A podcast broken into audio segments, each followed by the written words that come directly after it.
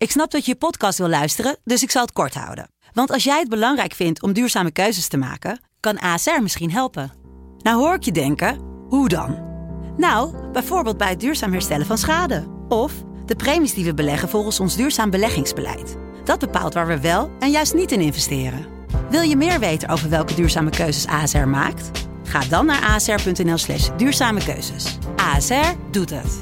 Zo, dan kan je nu lekker naar je podcast luisteren. Vechtersbazen wordt mede mogelijk gemaakt door Unibed. It's time for Vectorsbazen!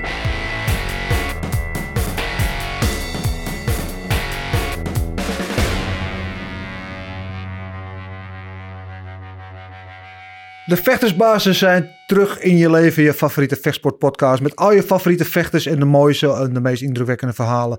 En eh, de man die vandaag bij mij op de bank zit, die heeft wel degelijk een heel indrukwekkend verhaal. We kennen hem allemaal al jaren als een van de toonaangevende eh, namen in de Nederlandse vechtsportwereld. Uh, 13 januari van dit jaar eh, kwam hij op een hele andere manier het nieuws. eh, door een heel noodlottig ongeval waarbij zijn zus Melissa om het leven kwam. Ehm, ik ben heel blij dat hij hier vandaag is. Op de bank heb ik het natuurlijk over Robin van Roosmalen. Robin, om te beginnen met de meest overbodige en waarschijnlijk meest gestelde vraag aan jou Ja. afgelopen jaar. Hoe gaat het met je? Eh, het gaat de goede kant op. Alles is ja, opbouwend, zeg maar. Dus, maar ik mag niet klagen. Nee, je zit de mond bij. Ik ben, ik ben echt heel blij. Ik ken je al Ja. heel lang. Ja. Ehm, ehm, veel in hele goede omstandigheden gesproken. Eh, ik ben heel blij dat je hier bent. En Nou, we gaan het over alles en nog wat eh, hebben. En natuurlijk wat afgelopen jaar met jou is gebeurd. Ehm, maar om te beginnen doen we als gebruikelijk in de, de podcast ons onderdeel dekking laag. Ja, Het klinkt natuurlijk tegen natuurlijk voor jou, want je moet altijd je dekking Ja. hoog houden.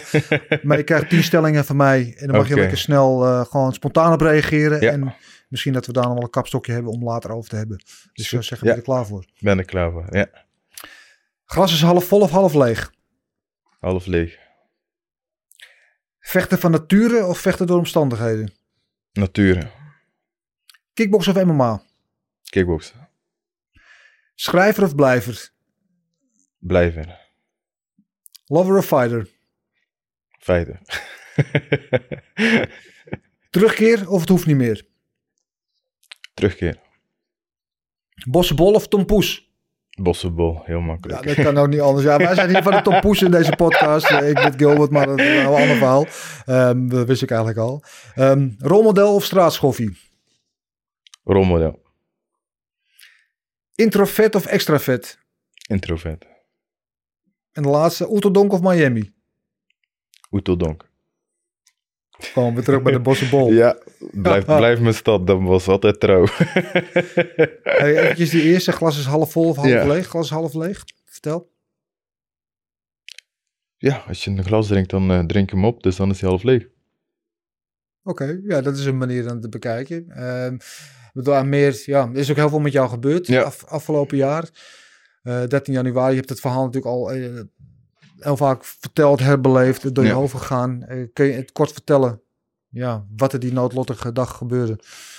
Eh, die dag, ja, eigenlijk gingen mijn zusje en ik voor haar nieuwe auto gingen we ophalen. Ze had een eh, nieuwe auto geleased voor de werk, want ze zat in de zorg en ze moest veel rijden. Dus we gingen voor een nieuwe auto kijken. Ja, dus eigenlijk, ik ging haar ophalen. En ik heb haar voor het eerst laten rijden. In heel ons leven heeft ze voor het eerst gereden. Ik had echt geen zin om te rijden. Ik denk, ga met je mee, maar je moet jouw auto ophalen, dus jij mag rijden. Dus ja, we zijn onderweg. Dat is gezellig. En in één keer eh, geeft hij geen gas meer, zegt ze. Dus ik vraag van, nou, hoe bedoel je? Ze zegt, ja, ik geef geen gas meer. Dus we was allemaal inderdaad aan het doen. Het lampje van de motor brandt. En ja, dus ik zeg, weet je, zet hem langs de kant. En dan bellen we de ANWB en dan kijken we dan wel weer. Dus ze zet hem langs de kant, zo ver mogelijk. Maar er was geen vangrail daar, dus we hadden ANWB gebeld. Zijn even in het gras gaan staan. Maar het was super koud die dag. Ja, het was januari, het was winter. We hadden geen jassen bij, dus eh, ja.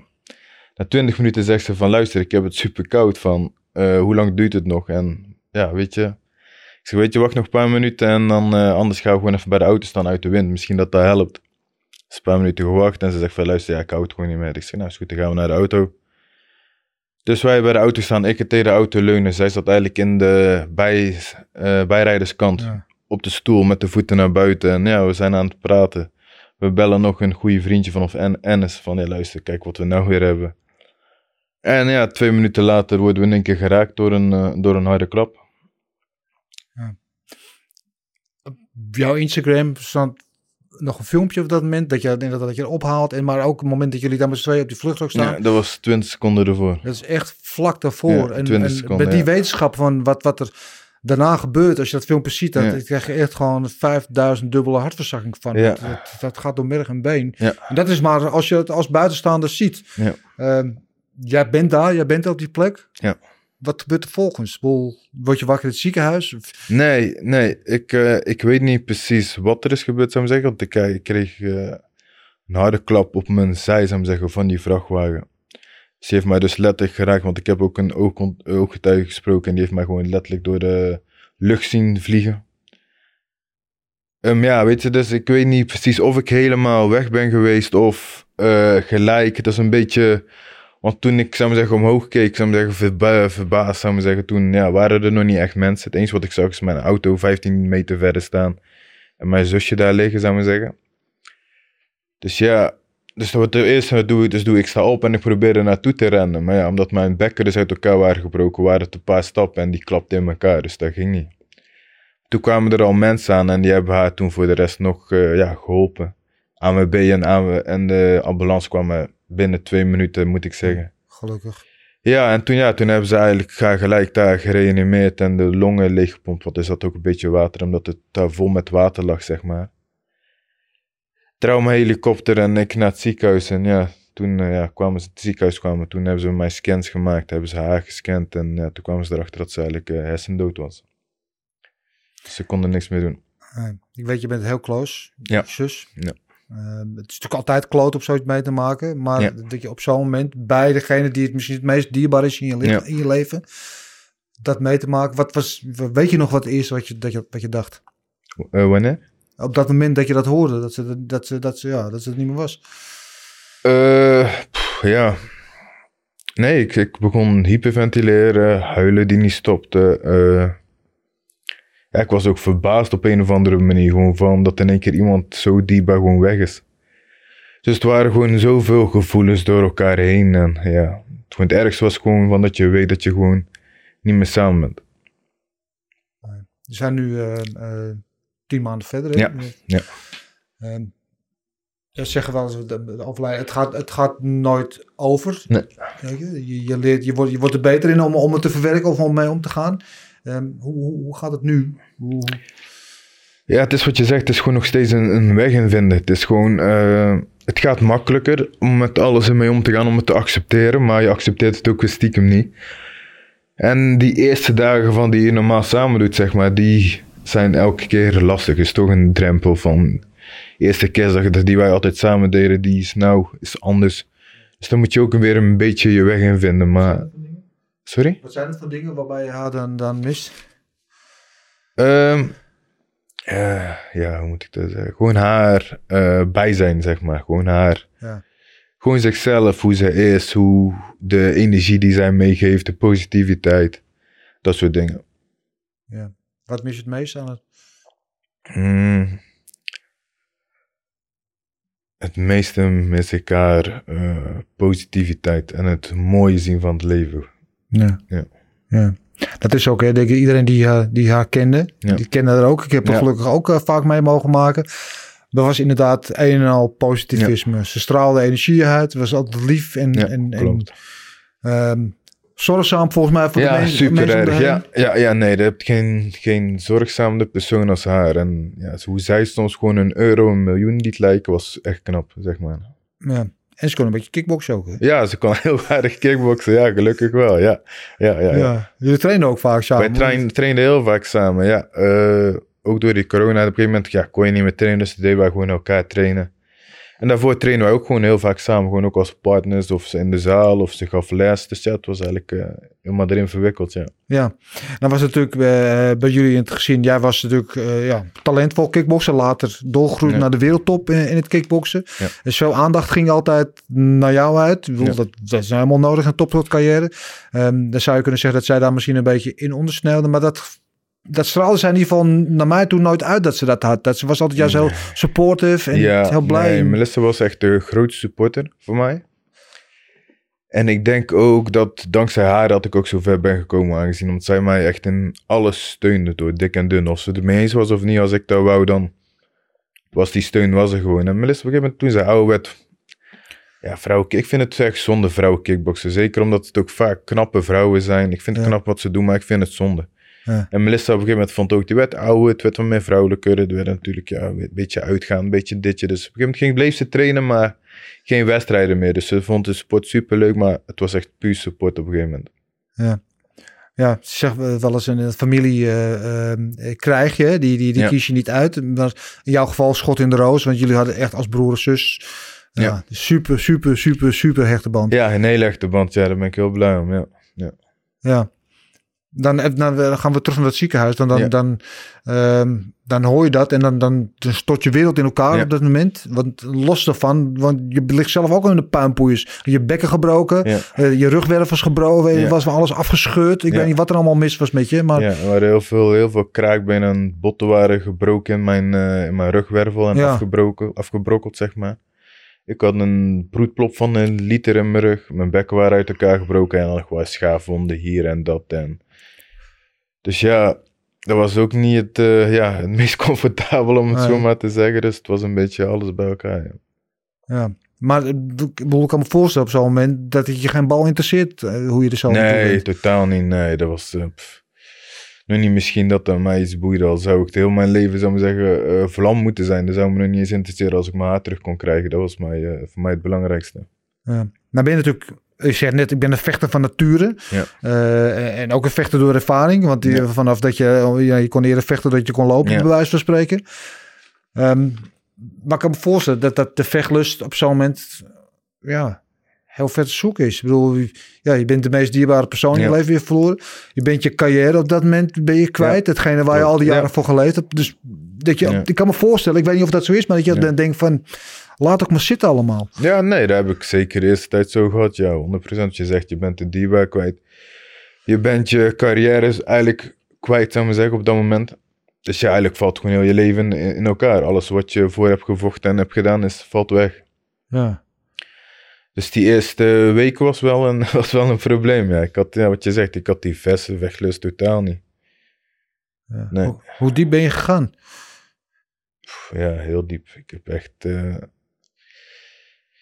Ik kan denk wel zeggen, een soort van depressie gezeten. Waar het enige op een gegeven moment wat gewoon nachten overslaan was. Piekeren, flessen whisky die er doorheen ging. Omdat er niks anders. Ja, om iets te verlichten wat uiteindelijk niet ging. Want als ik drink, word ik juist heel emotioneel. Dus het werd alleen maar erger.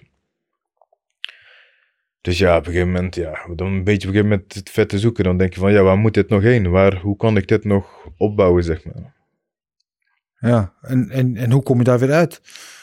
Ja, dat was een grote vraag. En eigenlijk naar mijn EMDR-therapie en eh, met de Leg, leg psycholoog. uit wat dat is.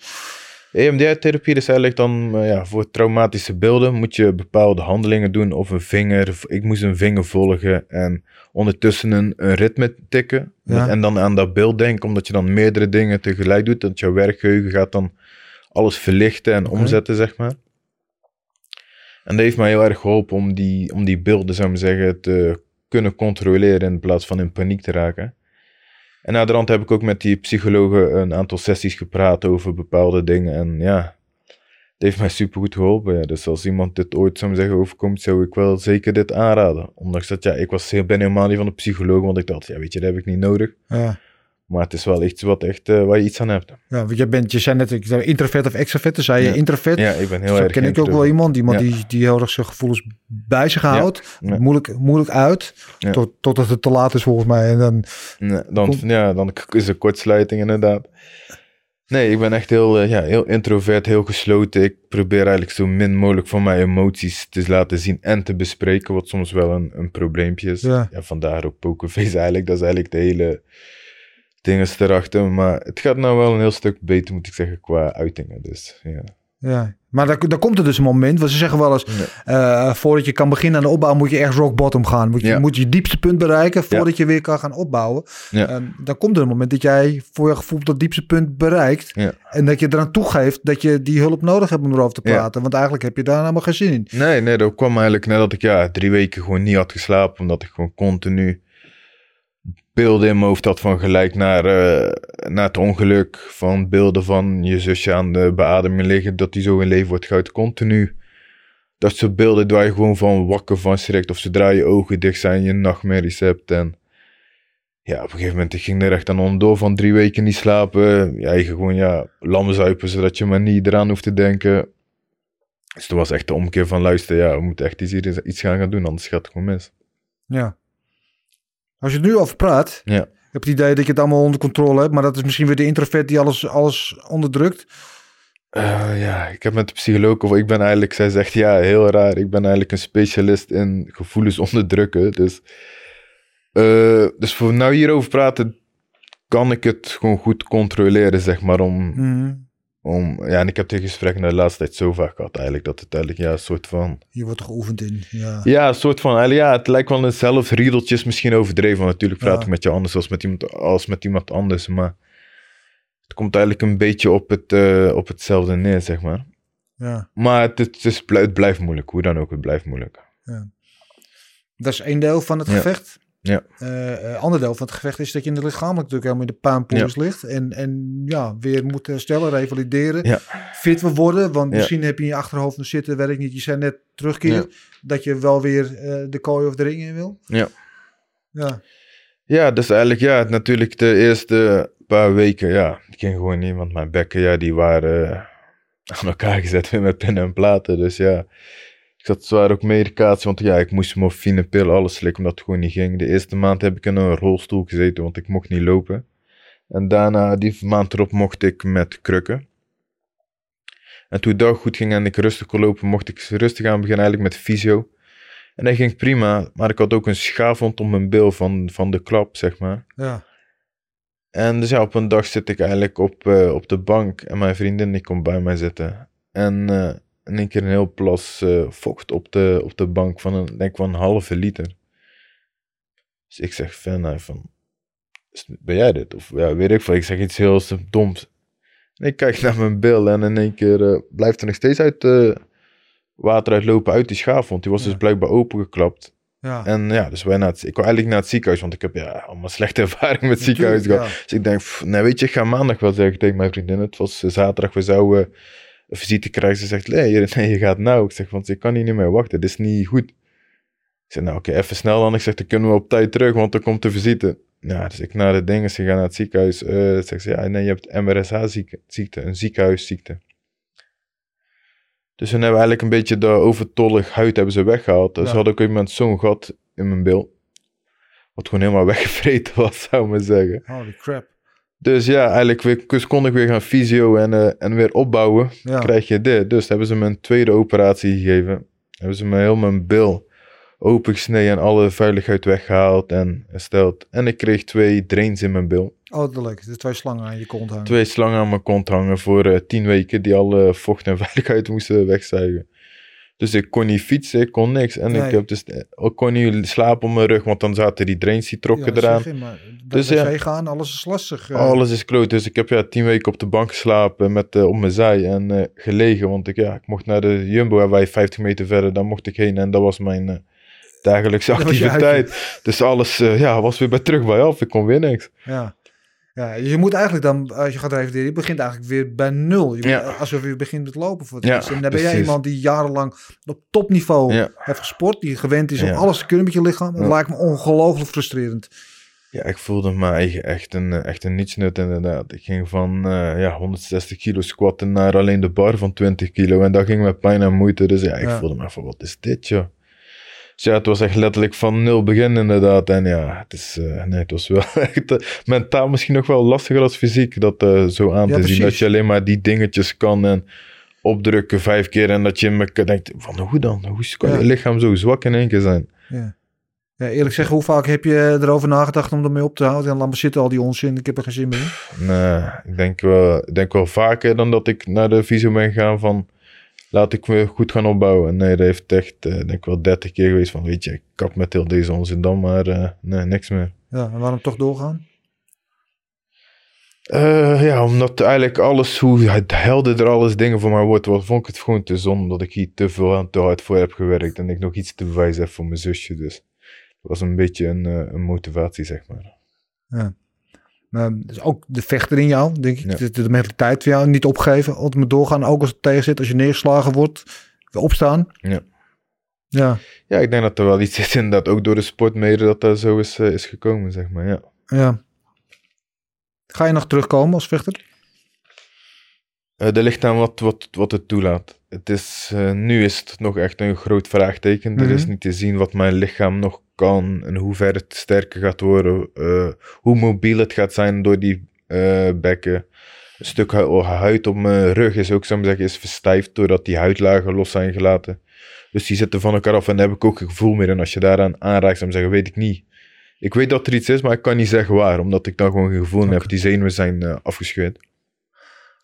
Dus er zijn allemaal dingen waar je gewoon even moet rekening mee moet houden. Of, of dat gewoon goed gaat herstellen. Of je nog goed gebruik kan maken voor je lichaam.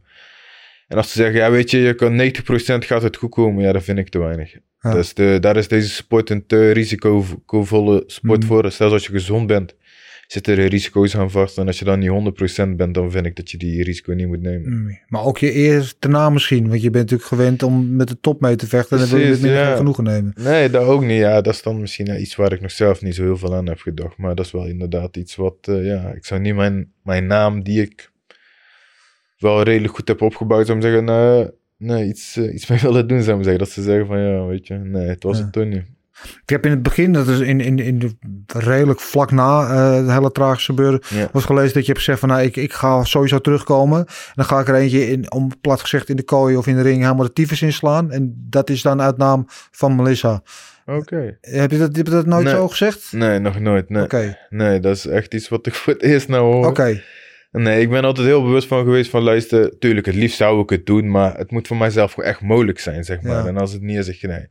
Ja, deze woorden zei, ja, je, je kent me, deze woorden zou ook echt niet uit mijn mond komen, zeg maar, op die manier. Nee, Dus- nee, nee, ik, doe, ik, ik vertel Ja. het wat, kleur, ik vertel het Ja. wat kleurrijk. Ja, ja, ja, Maar- nee. Nee, nee, ik heb wel het gezegd, als, als mijn lichaam het toelaat en mijn mentaal in orde is en ik kan het, dan zou ik het graag willen, maar het moet wel echt mogelijk zijn. Ja. Dat is nou nog te, te groot vraagteken om te zeggen van het gaat gebeuren. Ja. Is, het een, is het een doel op zich of een motivatie of een anker op zich waar je aan vasthoudt? Ja, zeker. 100%. Ja. weet je, voor mij hoeft het niet een hele carrière te zijn. Dan kan ik maar gewoon eentje doen. Ja. Eentje is gewoon zat voor mij in principe. Als het zou kunnen, ja. Ja, gewoon om, om te bewijzen dat je Ja. de hele trek kan afleggen en daar weer kan Ja, komen. Inderdaad, ja. Ja. ja. ja, Ja, zie je dat dan met, eh met 10 ons of met eh 4 ons handschoentjes? Dan maak ik me- da- me niet zo heel veel uit. Ik denk, eh, als ik nou kijk naar mijn lichaam met mobiliteit, is misschien kickboksen hetgene wat be- beter kan. Dus misschien dat ik daarvoor ga, maar voor mij maakt het niet uit. Op zich niet zo. eh. Nee. Nee, ik heb niet echt een keuze of een voorkeur daarin. Nee. Het liefst nog wel een MMA, omdat ik daar gewoon heel lang naartoe heb gewerkt en ja, elke keer niet door is gegaan. Ja. Dus daar zou ik heel graag nog steeds mijn, eh, mijn kunnen willen laten zien. Maar ja, als ze het niet toelaat, dan, eh, dan kickboksen. Ja. Je staat nog steeds onder contract bij Bellator. Ja, nog steeds. Ja, ja. Bellator heeft gewoon heel duidelijk gewoon gezegd van luister, ja, dit is iets wat je niks aan kan doen. Het is erg zo, het contract die blijft gewoon openstaan totdat je terug kan komen als het mogelijk is. En eh, ja, voor de rest zetten we hem nou gewoon op pauze. Ja. Heb je wel goed contact met de mensen uit Ja. de organisatie gehad? Ja, zeker. Ja, nee, Bellator heeft mij heel goed behandeld, alle begrip en eh, ja, heel netjes alles opgelost. Ja, ja. Ja, reden ook waarom je misschien, als, het- als het kan, dat je dan ook bij hun juist Ja. eindelijk daar je, Ja, je, debuut wil maken. Gek Ja. om te zeggen, maar ja, het is heel raar, ja, maar ja, inderdaad, ja, debuut maken. Ja, ja, ja. ja, volg je sport nog wel op de voet? Ja, ik volg alles. En ik moet heel zeggen, eh, heel toevallig, de laatste week heb ik een aantal evenementen gekeken. En het is nou eigenlijk voor het eerst dat het weer echt gaat kriebelen, zeg maar. Ja? Ja, ja. Waar merk nou je dat aan? Gewoon aan, want ik aan mezelf voel van, oeh, dat, ik er meer mee, mee kan leven. Kijk, de laatste, eh, half, de laatste negen maanden heb ik eigenlijk gekeken van, ja, gewoon met een eh, zonder gevoel. Gewoon van, ja, oké, Ja. ja. leuk. Zelfs als, goede, ja, zelfs als goede vrienden van mij, als die Oesman moest vechten en dan weet ik veel. Ja, dat keek en ja, was leuk. Ja, dacht maar, oh ja, gewoon, oké, leuk. Er was geen emotie bij of niks. En dat was een merkte ik laatst vorige week weer. eh, vorige week weer echt. Misschien kwam het ook omdat eh, mijn eh, goede vriend Sean moest. Maar ja, nee, eigenlijk sindsdien is het weer eigenlijk weer een beetje gaan, gaan groeien, ja. Ja, ik, ik ben bijvoorbeeld, nee, ik, ik kijk op een andere manier naar vechtsport Ja. dan jij, want jij bent de beoefenaar. Maar als ik vecht zit te kijken, zit ik heel vaak zit ik een beetje Ja, mee te doen voor de tv. Weet je, dan zit ik het na te Ja. mimiken. Want dan zit je zo in het gevecht. Eh, hoe, zit jij het dan ook zo? Of zit je dan een bepaalde vechten te kijken, jouw gewichtsklasse? Of van dat kan ik ook? nee, of zou ik normaal ben doen? ik ook heel erg zo. Zeker als er eh, vrienden van mij moeten, of die jongens die ik goed ken, dan ben ik er echt in en op mee, ja. Maar als, er, als, er bijvoorbeeld, als ik tegen iemand zou, zou moeten, of iemand van mijn gewichtsklasse, dan krijg, ik- kijk ik misschien wat meer naar hoe, ze- hoe die presteert en zijn goede, sterke punten. Maar als vrienden van mij moeten, ja, dan wil je echt niet naast mij zitten, want ik denk dat je zelf een paar klappen krijgt van, ja, van enthousiasme. Dus, Ja, maar weet je nog dat er een bepaalde trigger was, waardoor je die kriebel weer voelde? Of was het gewoon random? Nee, het was in één keer gewoon uit het niks. Het was denk ik wat ze zei, toen ik vorige week wedstrijd van Sean aan het kijken was, toen kwam het weer echt naar boven van. Ik denk omdat hij echt ook zo dicht bij mij staat, zou ik zeggen, dat ik dan ook weer die dingen voel samen met hem, zou ik zeggen. Ja. Ja. Ja, hij verloor helaas die partij, dus ik voelde die pijn ook weer, dus dat was weer minder. Maar die eh, enthousiasme en die, eh, die drang om te winnen, zou ik zeggen, die was er wel weer, ja. De honger kwam weer. Precies, net of van, De leeuw ja. werd weer wakker een beetje. Precies, ja, misschien is dat het wel, dat een Ja. eh, beer uit de winterslaap komt, zeg maar, ja. Ja, hoe is dat gevoel? Ook een beetje eng misschien wel.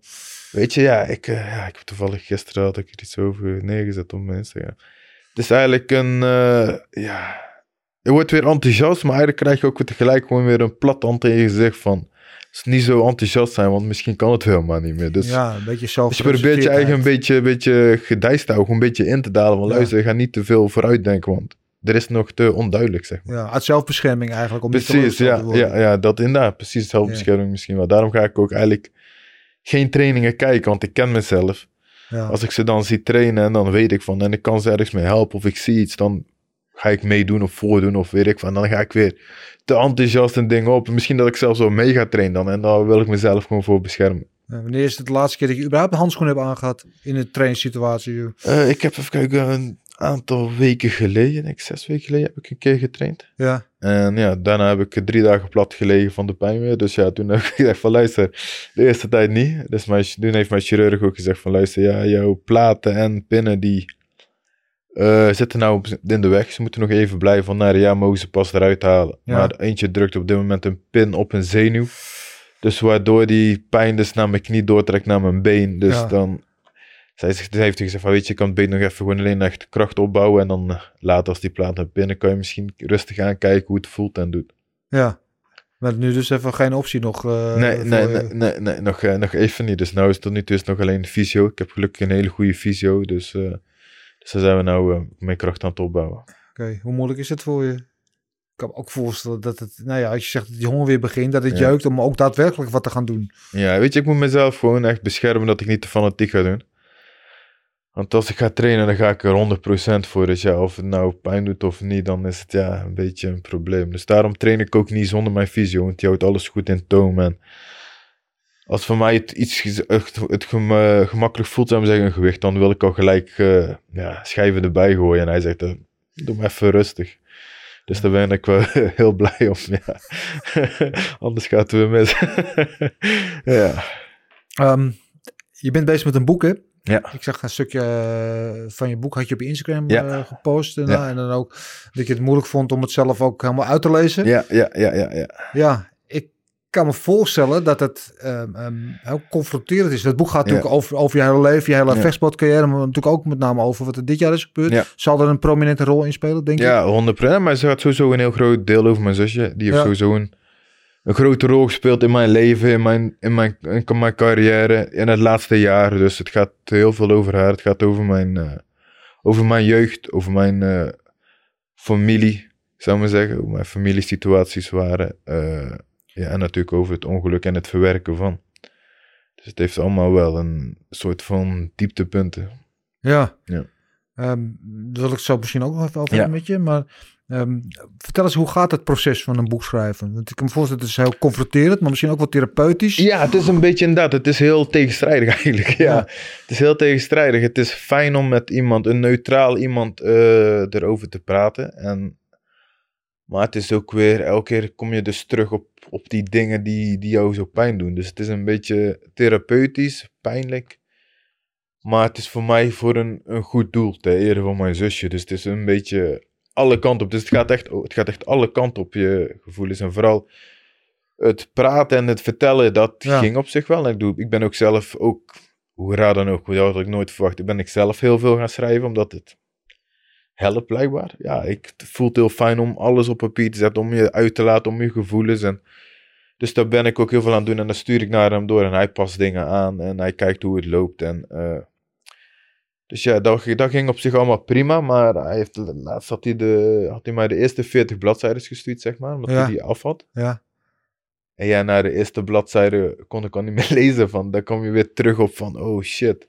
Ja. Hoe heftig het eigenlijk was en hoe die dagen zijn gelopen. En je denkt van, ja, shit joh, hoe moet ik dit ooit helemaal gaan uitlezen? Want ik moet natuurlijk goedkeuring geven, dus ik moet het zelf gaan lezen. Dus uiteindelijk heb ik, eh, ja, heb ik de ballen bij elkaar geraapt, om het zo maar te zeggen. En heb ik het afgelopen weekend gelezen. En ja, dat was wel, eh, was wel moeilijk, was wel heftig, ja. Want het is heel anders als je het uitspreekt, Ja. dan als je je eigen woorden op papier terugleest Ja. als voldongen feit. Ja, precies. Als je ook als je, als je een boek leest, dan ga je ook een beetje een eigen fantasie of eigen beeld bij creëren. Ja. En ik weet die beelden gewoon echt precies tot in details. Ja. En ik moet ook zeggen, die man Siebe, die, eh, ja, hoe hij het neerzet en eh, schrijft, zou ik zeggen, of aanpast, of hoe je het ook wil noemen.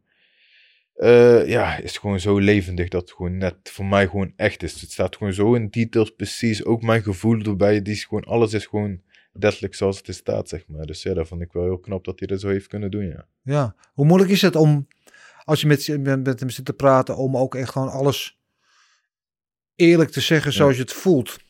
moeilijk, zoals ik zeg. Ik ben heel introvert, dus ik heb altijd mijn gevoelens binnengehouden en zo mooi mogelijk mee te maken. En eh, ja, uit de buitenwereld eigenlijk gewoon laten blijken dat alles prima is, terwijl het helemaal niet zo was. Dus ik heb er ook heel lang over nagedacht. Ik, eigenlijk is ja heel grappig hoe dit is gekomen. Melissa heeft al jaren tegen mij gelegen gezegd van Robin, je moet echt een boek gaan schrijven. Want ik weet gewoon dat jij eh, daarmee mensen kan helpen. En misschien wel een stapje verder kan leiden in hun leven of wat dan ook. Ik zeg, weet je, laat het wie wil dat nou lezen? Laat mij maar rustig. Ik zeg, ja. Ik zeg, laat, voor, mij, voor mijn gevoel ben ik gewoon heel simpel. Maar zij zegt, luister op, jij kan echt bijdragen aan mensen dingen. Luister, je hebt veel dingen meegemaakt. Je hebt, veel, van, eigenlijk van niks naar iets heel moois opgebouwd. Dus ja, jij kan er echt iets mee doen. Dus ja, daar heb ik altijd mijn achterhoofd gehouden. En heel toevallig was ik bij mij in de Jumbo eh, boodschappen aan het doen. Ik was een, ja, ik kon toen net weer normaal lopen. Dus ik, ja, ik uh, ongedoucht, niet eens mijn tanden gepoetst, stikken naar de winkel. Ik moest even snel iets halen. Ik weet je, het wel. Stond er een vrouwtje aan de kassa bij mij. En ze was al een paar keer aan het omkijken. Ik denk, wat is er nou weer aan de hand, joh? Dus op een gegeven moment zegt ze tegen mij, hey, je bent toch die kickboxer? Dus ik zeg, ja, dat ligt er aan maar voor, ja. Ja. Ze zei, nou luister, mijn man heeft een uitgeverij en je staat al heel lang bij ons op de lijst om een boek te schrijven. Heb je, Echt waar? daar, heb je daar interesse na? Ja. Dus ik zeg, ja, weet je. Zoals ik ook al toen zei, van ja, ja ik weet niet. hoor. Ja, weet je, het zo'n, waarom? Is er, ja, Maar kom je. op, dat moet een teken Ja, zijn dan, toch? Precies, Ja. dus op een gegeven moment ging ik, denk, ik zeg, nou weet je. Ik zeg, eh, ik zal je mijn nummer geven. Zeg, ze, anders geef me jouw nummer, dan eh, zorg ik dat mijn man jou belt en dan kunnen jullie het over. En dan kan je altijd nog kijken. Die kan het beter uitleggen, kun je altijd nog kijken wat je wil. Ik zeg, ja, is goed, ik kan mijn nummer geven. Ik dacht, ja, het zal wel. Dus ik het terug naar, ik naar Fenna, mijn vriendin. Ik zeg, ja, kom, dit is net is gebeurd, bla, bla, bla. Ze zei, oh, dat is wel mooi. Ze zegt, Melissa heeft ook altijd dat tegen jou gezegd. Dus ze, misschien is dat wel een idee. Ik zeg, nou weet je, laten die mensen, die eh, uitgeverij en die eh, auteur, laten we gewoon langskomen. Gaan we een gesprekje dan. Ja. Zien we wel. Maar die, man, die mensen waren ook, moet ik zeggen, vanaf het begin van, dus helemaal niet gepusht of je moet, of heel lekker relaxed. Gewoon echt goed gevoel. Als je wil, wil je. Wat je wil, wil je niet. Bla bla. Heel makkelijk. Dus eigenlijk weet je, ik zei, nou oké, nou, laten we afspreken. Kom ik in ons, dan doe ik een beetje vertellen. En dan kunnen we kijken of het goed voelt en hoe we dat denken. Dus ja, dus dat hebben wij zo eigenlijk zo gedaan. En ja, die man die het schrijft, ja, daar heb ik gewoon zo'n goed gevoel bij. Echt een vertrouwend persoon is dat. Hele zachte, gevoelige man. Dus ja, die...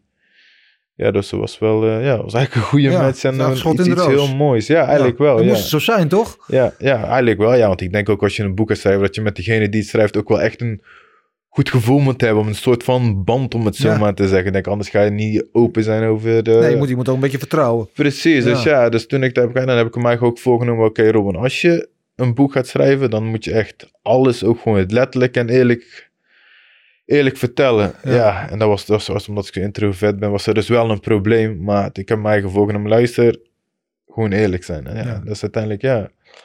Ik heb ook in, al die tijd heb ik niet gezegd tegen mijn vriendin waar ik het over heb gehad of hoe of wat. Ik heb haar laatst de eerste 40 bladzijden zo klaar te lezen en ze zegt ook, oh. Ze zegt zelf, toen zei ze ook van, luister, ik had niet verwacht dat je zo open zou zijn over alles. Dus, dus ik denk dat ik het wel goed heb gedaan. Ja, ik vind het wel mooi. Want ik zat, ik zat net weer, dat vertel ik terug te denken. Want ik, we kennen elkaar al heel lang. En jij kwam volgens mij als eh, 17-jarige jongen of zo kwam je bij het Showtime eh, binnen destijds. En dan moesten we die pre-fight interviews doen. En dan wist ik altijd, nou, als Van Roosmalen komt, ben je heel snel klaar. Want ja, de- ja. er waren, Nee, het dat waren klopt. interviews van, eh ja, die waren 30 heel seconden. snel. Ja, ik had er zo'n hekel aan in het begin. Ja. Ah. Ik dacht maar ja, weet je, ik, ja, ik hou sowieso niet van al die dingen. Uiteindelijk later is het met Glory vooral is het beter geworden, omdat het gewoon erbij hoort. Ja. Snap je? Dus ik wou dan ook wel weer, eh, ja, voor mezelf gewoon. En voor de promotie natuurlijk Ja, iets moois brengen. Maar in het begin, ja, ik was 17, ik was een puber. Ja, ik had er echt geen zin in. dan. Ik wou gewoon vechten, want de rest eromheen boeit me ook heel weinig. Zeg ik eerlijk, al die aandacht en de rest. En boeit mij. Voor mij is het gewoon een wedstrijd waar dat gewoon van. Ik, moet, ik wil mezelf bewijzen tegenover mezelf. En ik wil iets bereiken. En de rest eromheen, die, al die aandacht en die populair... Ja, Ja. nog steeds niet. Ik ben heel dankbaar voor al de support die ik heb gehad en mensen en bla. Maar nee, of ik nou 500 volgers heb of 50.000, voor mij is dat, ja, is het geen probleem. Nee. Nou, ik weet in ieder geval, stille water hebben diepe gronden. Want je Ja. bent, ondanks dat je af en toe misschien eh, wat teruggetrokken lijkt, je bent wel degelijk een grote persoonlijkheid. Dus Ja. eh, dat gezegd hebbende, ik, ik vind het heel eh, bewonderenswaardig dat je dan zo'n project aangaat. En zo'n boek over, nou ja, toch over het diepste van je ziel de wereld in gaat slingeren. Want dat wordt natuurlijk het moment dat het klaar is. En dan moet je het loslaten en dan gaat de hele wereld het kunnen zien. Ja, precies. Dat Ja. is best wel een spannend moment, denk ik. ja, dat vind ik een heel spannend. Ik ben ook, ook best wel ja, benieuwd. Ik denk ook dat het heel veel mensen gaat verrassen, zou ik maar zeggen. Omdat ze denk ik niet dat verwacht dat het zo zou zijn. En ik ben inderdaad wel benieuwd wat, eh, ja, wat de mensen ervan vinden. En Ja. of ik inderdaad, zoals mijn zusje zei, of de mensen zich in kunnen vinden en of ze er iets aan hebben. Daar ben Ja. ik misschien nog wel het meest Ja. benieuwd naar van. Dat is eigenlijk ook wel mijn doel. Van of ik echt mensen ermee kan hebben en misschien wel naar een volgende stap of kan Mensen in begeleiden. bepaalde dezelfde situaties. Ja, inderdaad. Ja, ja. Ja. Wanneer, wanneer moet het uitkomen? Wat is het doel? Ehm, ja, we hebben eigenlijk niet echt een datum, maar we zijn even, wanneer zijn we begonnen? Ik denk dat we juni zijn begonnen. En eh, ik had hem van de week toevallig gesproken en hij zegt februari, denkt hij zelf. Dus ja, ik, Ja. ik, zeg, ik denk zelf maart, want ik, ik wil alles wel even nog goed duidelijk eh, in de puntjes even Ja. controleren. Maar nee, ja, ik, kijk er, wel- ik kijk er wel naar uit, moet ik zeggen. Ja, Het best is wel snel eh, dus, ja, ja. het is best wel snel. Sneller als ik had verwacht. Ja. Maar ja, weet je... Ik heb ook met hem continu gewoon sessies gehad van drie uur, zeg maar. Dat we gewoon drie uur aan het praten zijn en aan het doen. En hij research heeft gedaan en daar vragen over en dit en dat. Dus ja, op een gegeven moment, ja, ik had ook nooit voor dat ik zoveel zou kunnen vertellen. Maar ja, op een gegeven moment, de eerste keer was ook echt, eh, ja, was, de eerste keer was ook echt moeilijk. Ja. Hij stelt dan vragen, ja, begin maar. Ik zeg, ja, waarmee? ja, waar moet ik mee, dat ik mee begin? Ja. Dus ja, uiteindelijk eerst, hij zei, weet je, we gaan gewoon laagdrempelig beginnen. En begin maar over waar je over wil beginnen. Dus ja, uiteindelijk eerst waar ik het makkelijk vond om over te praten, is eigenlijk hoe ik Sean heb leren kennen, die vriend van mij. En eigenlijk hoe wij eigenlijk hele goede vrienden zijn gewonnen. En ik eigenlijk daarover ben Ja. begonnen. En daarmee is het eigenlijk, ja, Gaan rollen. gaan rollen, zou ik zeggen. Had Ah. hij vragen en dan dit en dat. En uiteindelijk kom je, kom je steeds op steeds diepere punten, op ditjes en op datjes, ja. Ja. Dus ja, dat was wel een eh, aparte ervaring, moet ik zeggen, ja. ja. Ik, ben, ik ben heel benieuwd. Heel, we Ja. moeten heel veel geduld hebben nog. Eh, we Ja. gaan niet alles vertellen wat in het boek staat. Dan Nee. moeten de mensen straks maar het boek kopen en het gaan lezen. Eén dingetje wilde ik wel even op terugkomen. Waar je net al even aanstipte. Wat, waar het ook in het boek over gaat. Is over eh, het dieptepunt in, in je familierelatie. En met name denk ik dat je ouders bedoelt. Ik weet ehm, dat voor het ongeluk Ja. ehm, eh, was er niet of geen of Ja. weinig contact met je ouders. Klopt. Ehm, ik kan me voorstellen in zo'n situatie dat je dan dichter bij elkaar komt. Dat er juist misschien verbroedert. Ja. Maar is dat ook gebeurd? Eh, nee, helaas niet. Nee. Helaas is het misschien nog wel eh, erger geworden dan dat het was, ondanks de situatie. En, ja. Maar zoals ik zei, daar gaat het iedereen over teruglezen zoals het, als het letterlijk is geweest. Ik ben ook gewoon heel eerlijk over alles, over, ook over mezelf. Dus ik heb wel een eigen zelfreflectie in dingen die ik zelf fout heb gedaan. Dus ja, dus, dat- dus ja, het is gewoon echt, gewoon echt heel puur en heel eerlijk. En ja, het is moeilijk om te zeggen dat je zelf fout zit, maar wat waar is, is waar. En dat, ik denk dat ik in mijn boek echt, en voor sommigen zal het waarschijnlijk niet zijn.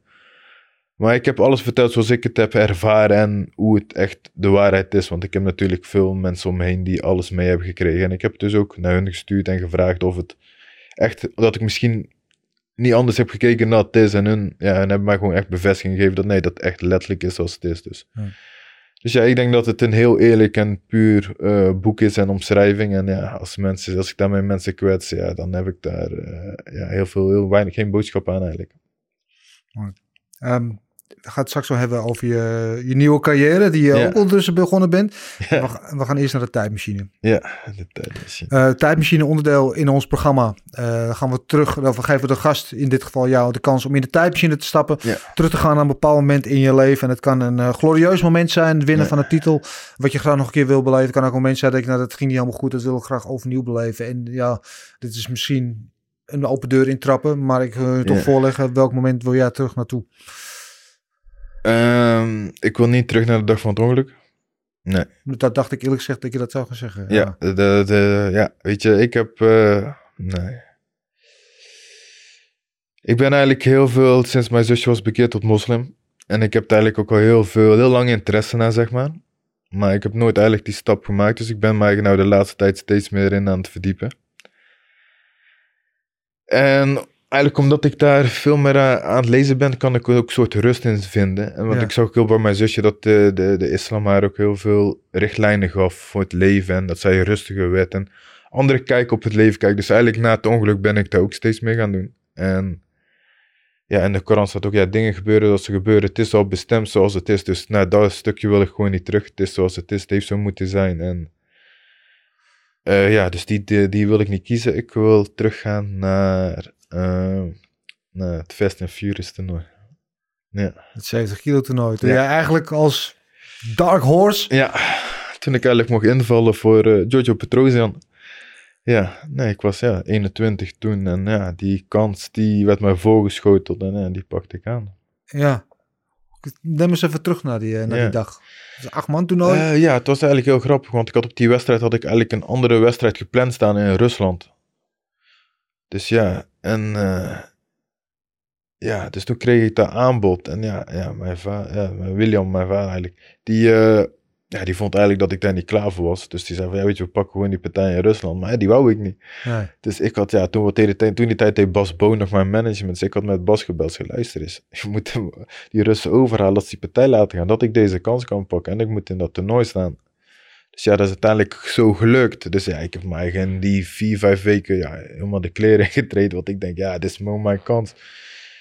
En ja, ja dus de eerste dag moest tegen Shahid moest ik toen eh, de eerste partij. Ja. Ik had een paar maanden eerder van hem al gewonnen in, eh in een showtime toen. Dus ja, hij was natuurlijk uit op revanche. Ja, en ik vind Shahid een topvechter. Ik altijd al heel erg naar op heb gekeken. Naar zijn stijl en hoe hij vocht. En die doors. En vond ik altijd super mooi om te zien. Dus Ja. het was voor mij, ja. En het waren jongens die mij goed lagen. Dus voor mij was het eigenlijk een... eh, Qua stijl eh, ja, was het een win-win. Want ik hou van jongens die gewoon hetzelfde als mij. Die echt komen om te vechten. En geen stap achteruit. En gewoon, voren, ja. en gewoon zien wie de sterkste is en wie het, wie het meest door kan zetten. Ja, dus daar was, was ik wel super blij omdat ik de eerste wedstrijd tegen hem moet. Dus ik won, eh, won uiteindelijk van hem in de tweede ronde. Door een knie en een paar stoten, als ik me niet vergis. Dat is een beetje... ja. Eh, ja, in de tweede wedstrijd moest ik tegen Christian Gimby toen de tijd. Die, eh, die was op dat moment de wereldkampioen. Die versloeg ik op punten. Ja, Nou, de African Warrior. de ja. African Warrior, ja, hele lastige jongen met zijn, eh, met zijn knie. Knie, ja. Ja, ja, ja, dat was een hele, ja, hele moeilijke opgave, vond ik. Omdat, ja, ik kon Chris natuurlijk persoonlijk werkte toen die tijd ook nog bij Nico Sports. En hij kwam heel vaak in de winkel om spelen. Dus ik was ook gewoon, gewoon goed met hem. Dus het was een beetje een mixed feeling, zeg maar. Maar ja, ja zakelijk is zakelijk. Het was, Werk ik was is daar om te winnen. Ja, dus ja, zo dacht hij er ook over. En daar was ik blij om. Dus ja, uiteindelijk won ik, naar mijn mening, best dominant op punten. En in de winnaar tegen ja, Kishenko, Arthur Kishenko. Ja. Ja, wat een reus was dat zeg. Ik weet nog goed, ik was eh, aan het opwarmen. En eh, ja, op een gegeven moment komt hij eh, voorbij lopen. En William zegt in één keer... Wie is die zwaargewicht van, van Gym? Die heb ik nog niet gezien. ja, Ja, toen zei William, ik wilde mijn oom. Dat is, het is niet gezwaagd, weet je. Dat is 40 Kishenko. Dat is Kishenko. Oh, kut. Ja. Maar dat Ah, ja. wou ik zeggen inderdaad. Want jij bent niet de grootste eh, Nee. 70 kilo vechter. Nee. Eh, eh, hij loopt in het ziet eruit als een zwaargewicht. Ja. Hij ging toen, toen de tijd, volgens mij, ging hij terug van 6, 87 kilo helemaal Ja. terug naar de 70. Ja, nee, het was echt een, echt een beer van een gozer. Ja, tering. Ja, weet je, ik dacht, ja, ik ben al zo ver gekomen. Ik dacht, ja, gewoon alles of niks. Dus ja, moet ook eerlijk zeggen, die man het trapt en sloeg wel gruwelijk hard. Zeg, godverdomme. Ja. Als je gewoon naar die wedstrijd kijkt, met je ogen dicht zonder naar, eh, naar het beeld te kijken, dan hoor je op een gegeven moment hoor je een levenstoot die zo hard is dat je het gewoon hoort wanneer het is. en ik zeg heel eerlijk, ik moest ook bijna poepen doen. ja, ja, dat is echt eh, geen grap. Die was echt hard. Maar ja, gelukkig kon ik hem eh, ja, raken met een linkshoek die er goed op zat. En ja, Ja. toen was het gelukkig klaar. ja, Ja, ja. Dat moest het toen. Want jij kwam het als, als, als redelijk... Ja, ja, toen wel naam gemaakt. Maar Ja, in maar dat veld van, zo, van ja. namen Nee. als redelijk onbekende kwam je Ja. erin. Dan win je het hele ding. ja. Was dat voor jou ook het moment dat je jezelf voor je eigen gevoel had neergezet van ik hoor echt bij de Ja. grote jongens? Ja, dat was voor mijzelf ook wel een beetje zelfvertrouwen van ik kan met dit mee. Ik kan, ik kan op hoog niveau en ik kan echt een goede prof worden. Was toen wel echt eh, voor mij, zou ik maar zeggen, doorslaggevend. Ja, Ja, ja. ja. eigenlijk ja, toen is ook alles, ja, alles veranderd. Ik ben toen echt gaan focussen op het kickboksen, zeg maar.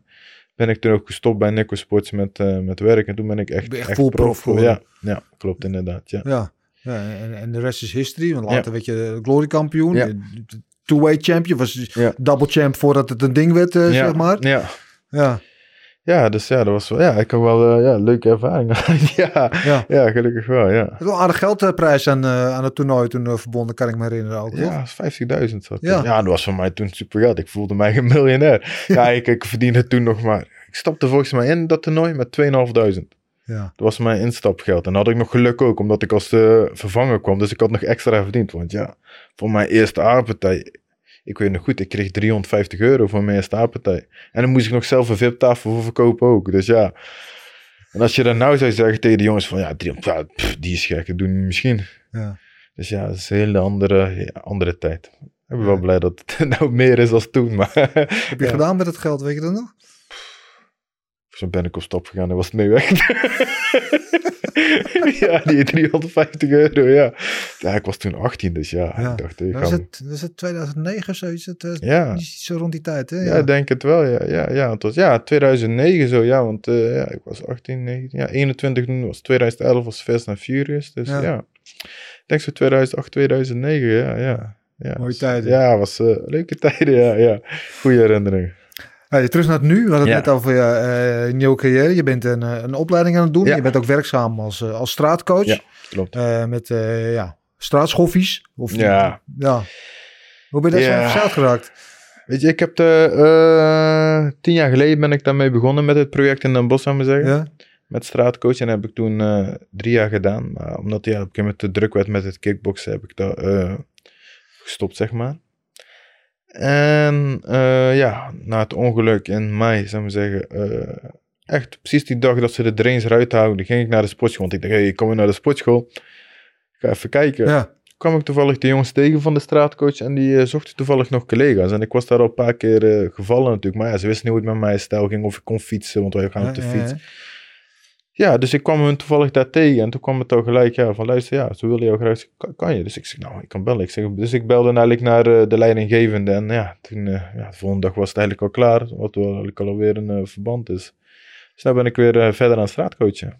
Ja. Ja. Met, ja, wat, wat houdt het in? Wat, wat, Het wat, zijn wat eigenlijk, ja, kijk, zoals jij zegt, ja, het is- ze zeggen straatschoffies, ja, ik zie dat heel handig. Van de gemeente zeggen ze natuurlijk ook zo, maar wij zijn eigenlijk, wij helpen eigenlijk de buurt een beetje in toom te houden. Tegen hangjongeren, tegen overlast. eh. ja.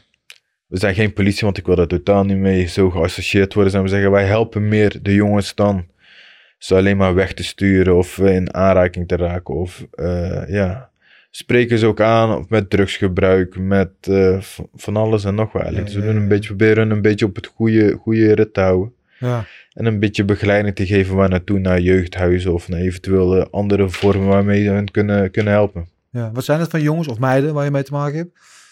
Ja, jongens en meisjes eigenlijk, zoals jij zegt, ja, het zijn eigenlijk, eh, ja, van alle afkomsten. Je hebt de Marokkanen, Nederlanders, Suriname, alles door elkaar. Dus het is niet echt... eh, ding, het is gewoon op dat moment waar, eh, waar de hangjeugd zijn en waar ze last van hebben. En nou met die coronatijd is natuurlijk extra, want ja, ze kunnen nergens heen. Ze, nou, het moet zo'n vijf uur alles dicht. Dus dan gaan ze nou op straat hangen en ze gaan daar een beetje iets doen, want er Ja. valt niks te doen. Dus ja, dus wij proberen ze dan een beetje in toom te houden als we klachten krijgen dat er overlast is. En om ze aan te spreken van luister, jullie kunnen maar, als je het niet rustig houdt, anders komt de politie dadelijk, komen de boetes, bla bla, we kunnen naar het jeugdhuis, die is tot tot open.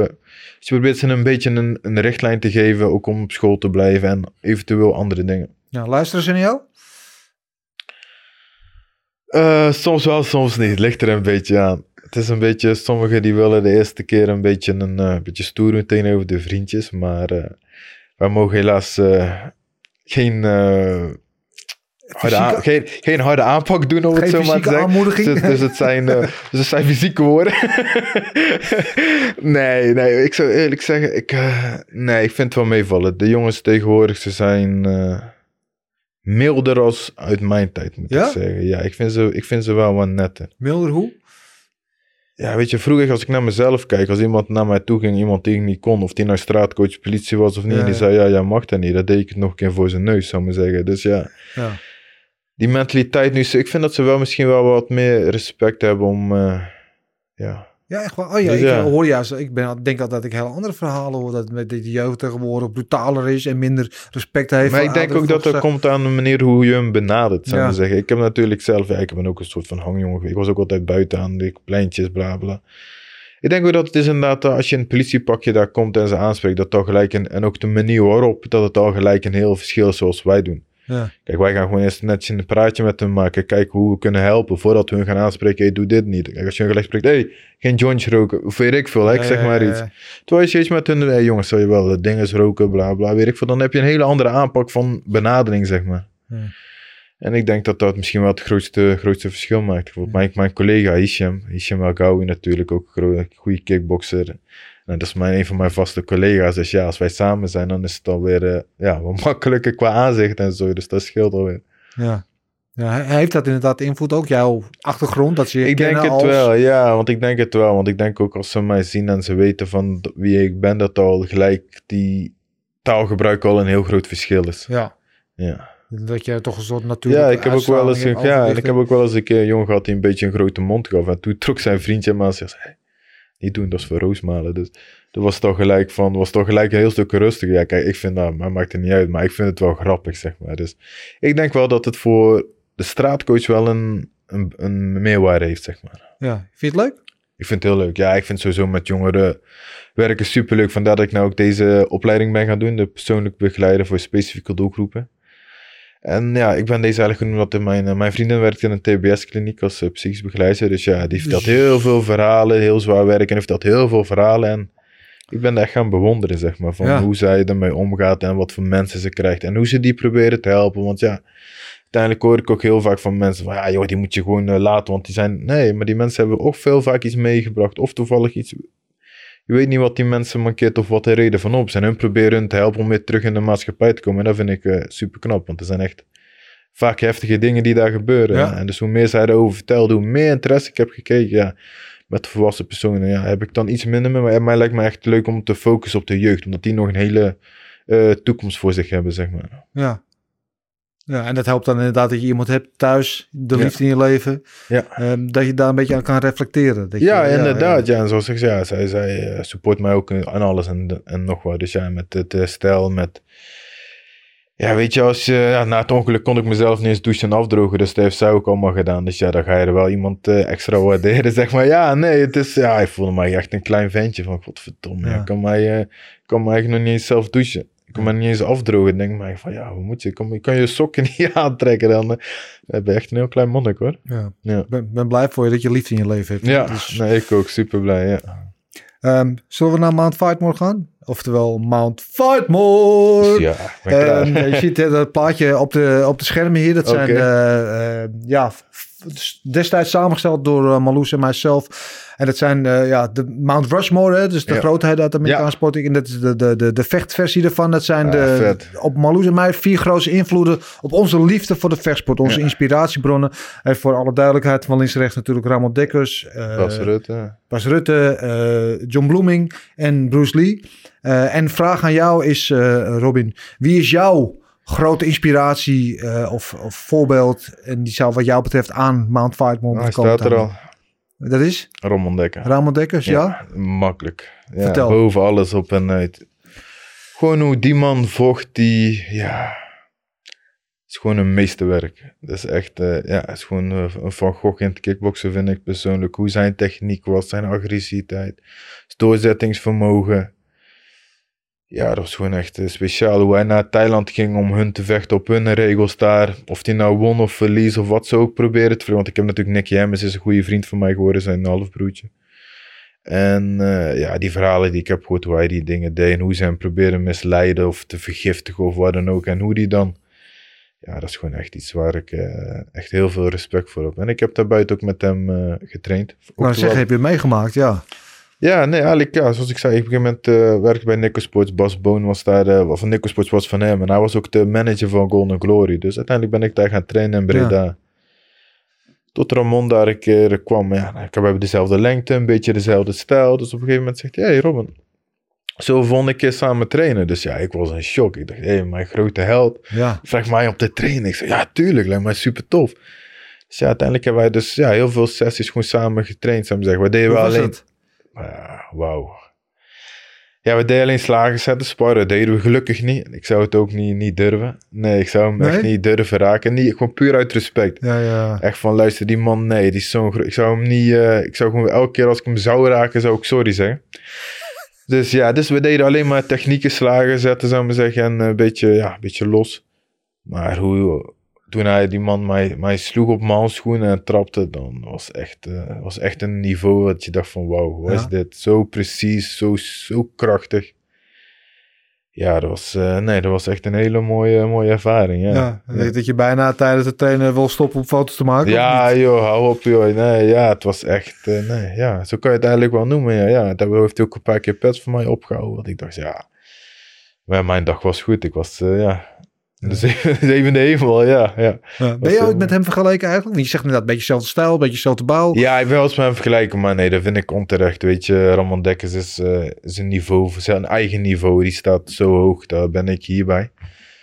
Dus nee, dat vind ik, eh, vind ik, vind het wel super fi- fijn dat ze het doen, maar nee, dat is niet te vergelijken. Nee, Nee. zeker niet. Nee, dat weet je. Nou, hij hangt er gelukkig, hij hangt er gelukkig nou, wel aan. dus, eh, blij. Wie is die Bloem? Bloem? John Bloeming Ja. is ehm, eh, eigenlijk, dat is voor mij een beetje de, de, de godvader van de Nederlandse vechtsport. Was Oké. een judoka die als Oh, vrijwilliger naar de, de Korea-oorlog ging destijds. En na Mhm. die oorlog in Japan bleef hangen. Eh, en daar van, eh, van Masoyama eh, onderwezen werd in het Kyokushin Oh, karate-stijl. En Ja. hij werd de eerste niet-Japaner die die stijl ehm, buiten Japan mocht gaan onderwijzen. Oh, Die heeft dat toen mee naar, naar, naar Nederland genomen, Ja, zeg maar ja. begin jaren 60. En van zijn eerste groep leerlingen, daar zat onder de baan Chris Dolman, die natuurlijk Gerard uiteindelijk... Cadeau ook. Eh Geert Cadeau, zat- nou, die kwam later. De later pas, oké, ja, ja. Maar eh, eh, eh, Chris Dolman zat erbij, Jan Plas zat erbij natuurlijk, Lucien Ja, Plas, ja, Wim. Ruska. Dus allemaal mensen die later in verschillende takken van vechtsport een grote rol hebben gespeeld. Die zijn allemaal de eerste lichting eh, leerlingen van hem. Dus eh, Oké, oh, vet man. Hij dat staat voor mij, ik zie hem een beetje als zeg maar eh, de, de bron Ja. van waarom wij later als Nederlands Oké. eigenlijk Oh, mooi. zo nou. groot zijn geworden. Dus Ja, leuk om, leuk te weten. Bruce- En Bruce Lee staat natuurlijk denk ik bij Ja, iedereen wel eens zo ja. Die kijkt die films dan niet. Ja, en als ik er iemand bij zou moeten zetten die er nu bij zat, zou ik eh Mohammed Ali doen. Dat is, de, dat is de enige voor de rest, ja. Ja, ja. Ja, eigenlijk Mohammed Ali en Mike Tyson natuurlijk. Maar ja, Mike Tyson, daar ben ik mij ook de laatste tijd steeds meer in, eh, in gaan verdiepen in zijn films. Niet in zijn vechtstijl, nee. maar in de filosoof die hij is Ja. geworden, om het Ja. zo maar te zeggen. Hoe die man op het leven kijkt en dingen interpreteert, nou is, is ja, is... eh, Een hele intelligente man, hè? Mensen die Hele als, als een rouwdouwer, die vroeger ja, iedereen... precies. eh, ik, ja, maar hij heeft er mij echt in verrast. En ik ben eigenlijk steeds meer gaan kijken en gaan doen. En ja, nee, daar, daar raakte me eigenlijk wel hoe hij over dingen dacht. En hoe hij over vergeving praatte en over de dood. En ja, nee, echt, dat is iets heel moois om te zien, ja. ja. ja, ja, ja. Luister wel eens een podcast? Ja, die hotbox. Ja. Ja, ja, kijk wel. Ik heb toen laatst wel met Khabib nog gekeken. En eh, ja, nee, ik probeer het zoveel mogelijk te kijken. Ik vind het soms een beetje moeilijk om, om te luisteren naar hem, omdat hij zoveel slist. Dus af en toe moet ik heel goed nadenken. Ja, ja, ja, ja, dat is die af en toe. Maar hij, gooit- hij heeft af en toe gooit inderdaad van die wijsheden Ja, wees. eh, ja. ja. Hij heeft hele mooie, Ja. van die mooie filosofische spreuken. wel. Vind ik, ja, vind Ja. ik ook. Ja, en je zou het niet van verwachten, want je kent hem natuurlijk als de rouwdouwe, ja, als de agressieve kerel. Maar dan zit hij zo te praten over dingen. Ja. Ik denk, kom, jij bent echt een slimme, slimme man. Ja, ook zeker een favoriet van mij. Ja. Ehm, tot slot, één dingetje wat ik wilde aanstoppen met, eh, met je. In het begin zei je uh, Oeterdonk, of Miami zei Oeterdonk. Ik weet, je hebt ook een speciale band met Miami. Eh, onder andere met Henry Hoofd daar. En met een hoop jongens, Sean Soriano, die we laatst zag vechten.